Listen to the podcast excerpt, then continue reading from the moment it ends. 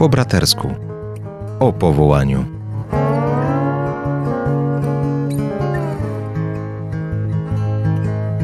A na audycję zapraszają Ojciec Tomasz Mordziałek. oraz ojciec Andrzej Grat.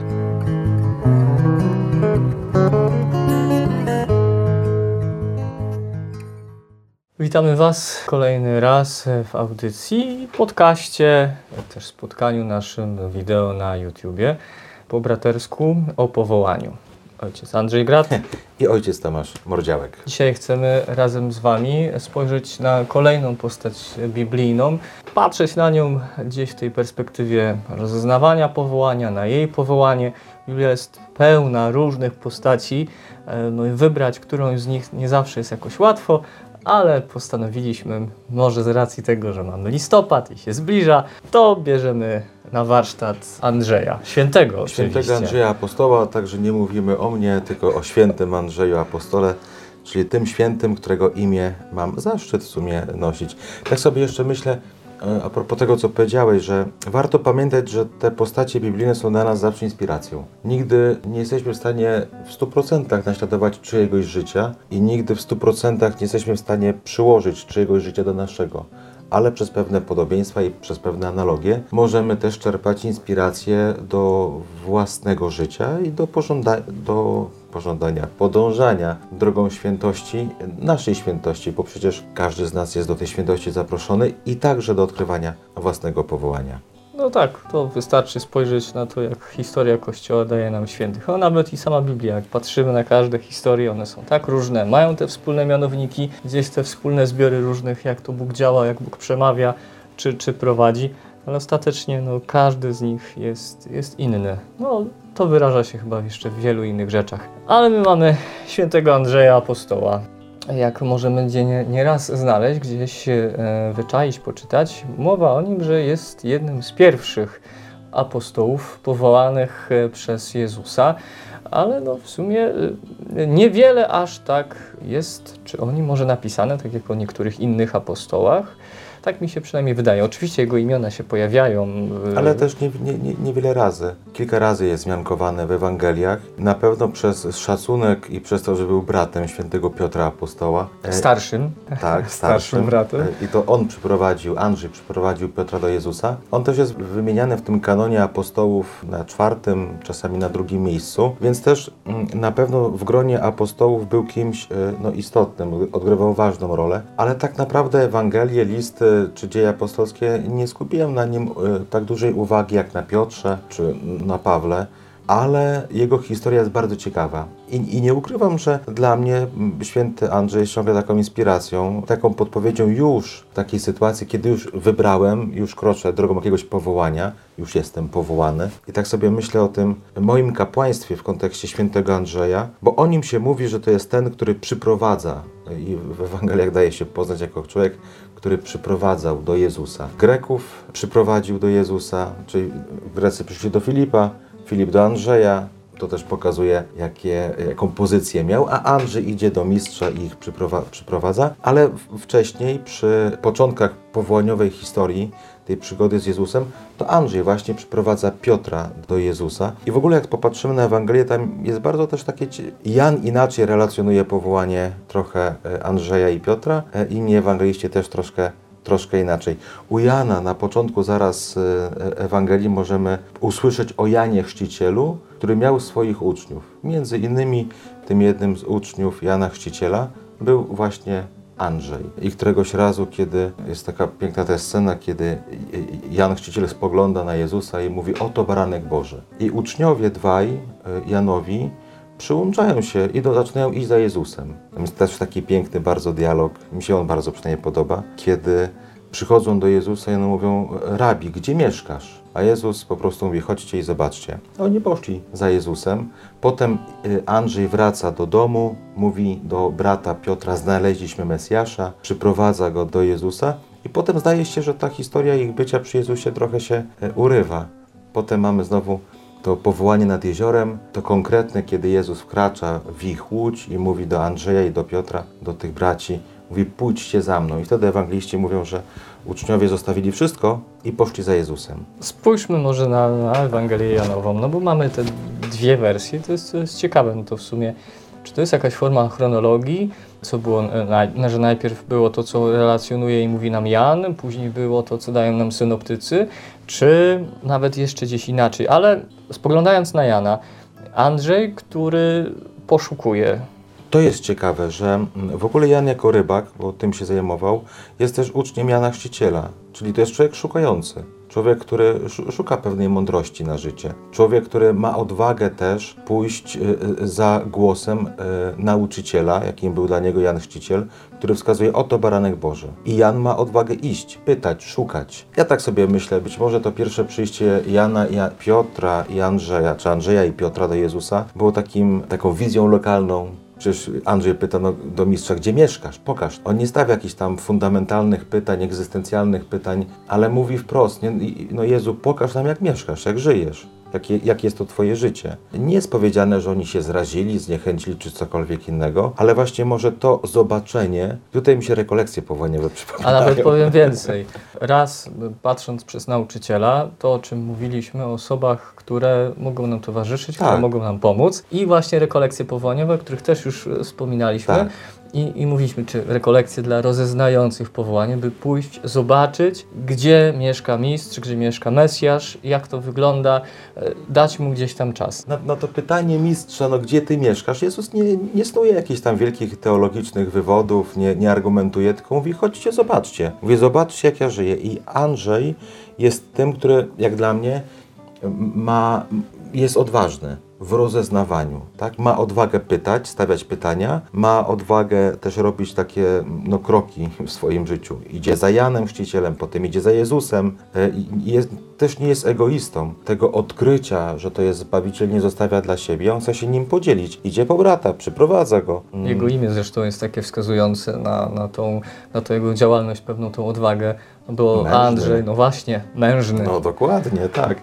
Ale i myślę, że e, bo jak potem spojrzymy na synoptyków, na syn- synoptyczne Ewangelie, to tam jest taka zadziwiająca determinacja, konkret i szybkość w podjęciu decyzji. Bo Jezus, kiedy jest u nich w łodzi i do nich mówi, pójdźcie za mną. I e, ewangeliści mówią, oni natychmiast zostawili wszystko. Tam już nie ma zwłoki.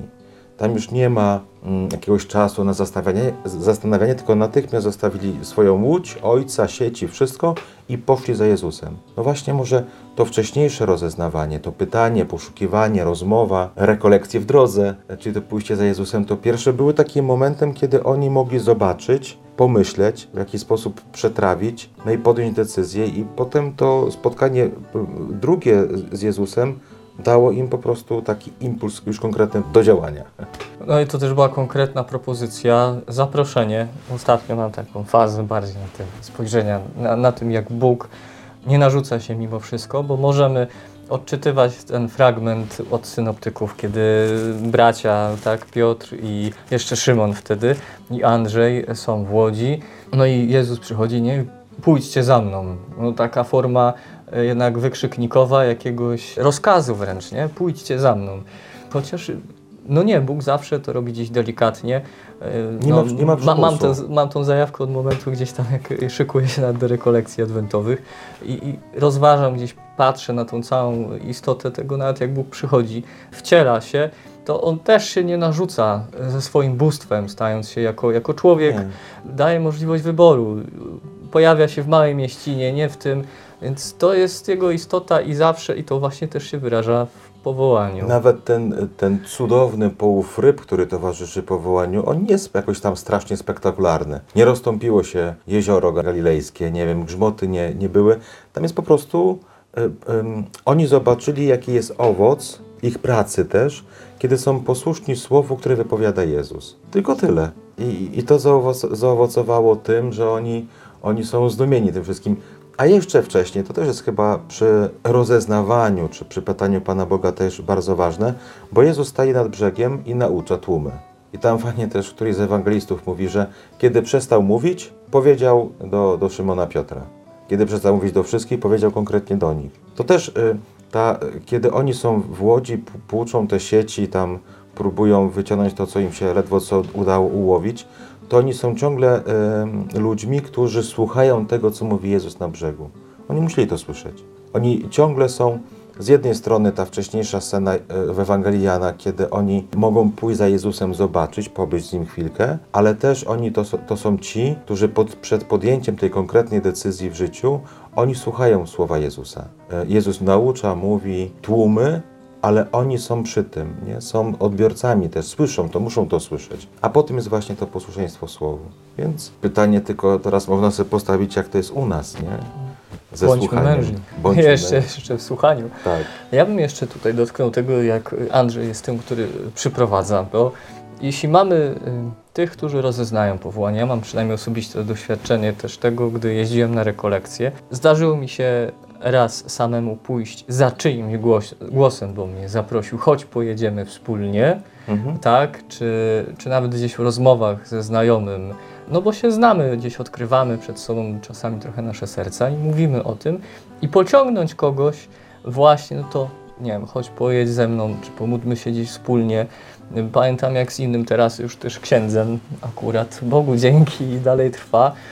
Pamiętam, że zaprosił też mnie na modlitwę w takiej drodze rozeznawania, bo on rozeznawał jak i ja. Więc y, dla Was, którzy jesteście na pewno rozeznający powołanie, y, Andrzej jest pewnie też tym y, świadectwem i pomocą, aby nie bać się też innych zapraszać. Tak. W te drogi, które może sami już znacie, poznaliście, praktykujecie, aby pomóc też innym nawet może być patronem tych, którzy przyprowadzają innych do Jezusa. Czasami wystarczy gest, słowo wysłane, e, nie wiem, przypomnienie na social mediach, e, podlinkowanie pewnej treści. No dzisiaj w różny sposób możemy działać, przyprowadzać innych do, do Jezusa. Dla mnie Andrzej też jest taką ciekawą, takim ciekawym apostołem. Zdawałoby się ważnym, to on Szymona Piotra przyprowadził, a jednak ciągle jest drugi ciągle gdzieś tam jest z boku, ciągle się gdzieś tam na bok usuwa, żeby zrobić jakby innym miejsce, w tym dotarciu e, do Jezusa. Więc nawet to jest też taka, z tego co mówisz, sugestia dla tych wszystkich, którzy może już są rodzicami, kapłanami, już wiedzą, co chcą w życiu. No miejcie też odwagę innych przyprowadzać do Jezusa.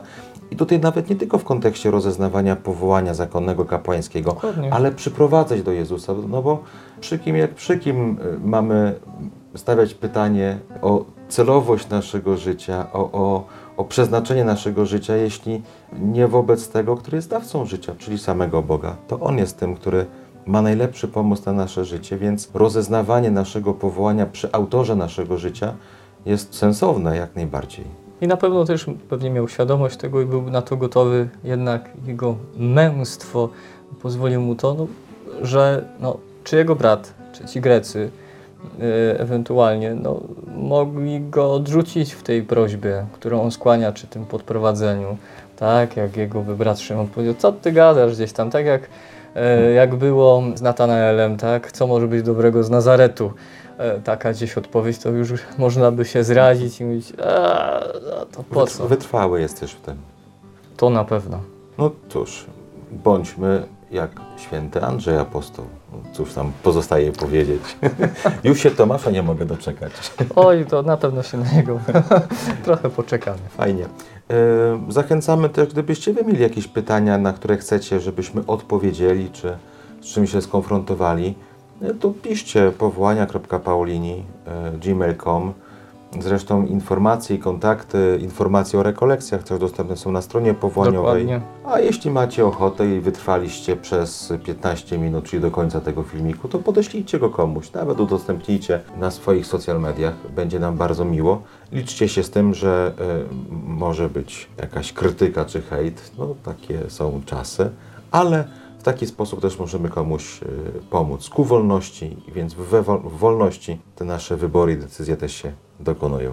Zatem widzimy się i słyszymy za tydzień. Za tydzień. Dzięki z Bogiem. Pamiętamy też o Was. W modlitwie. Edyta Stein mówiła, że powołania nie znajduje się po prostu po zestawieniu i przeanalizowaniu różnych dróg. Powołanie jest odpowiedzią otrzymaną w modlitwie. Proszę więc trwaj na modlitwie za siebie i za innych. A jeśli szukasz wsparcia, zajrzyj na powołania paulini.pl i na nasze media społecznościowe.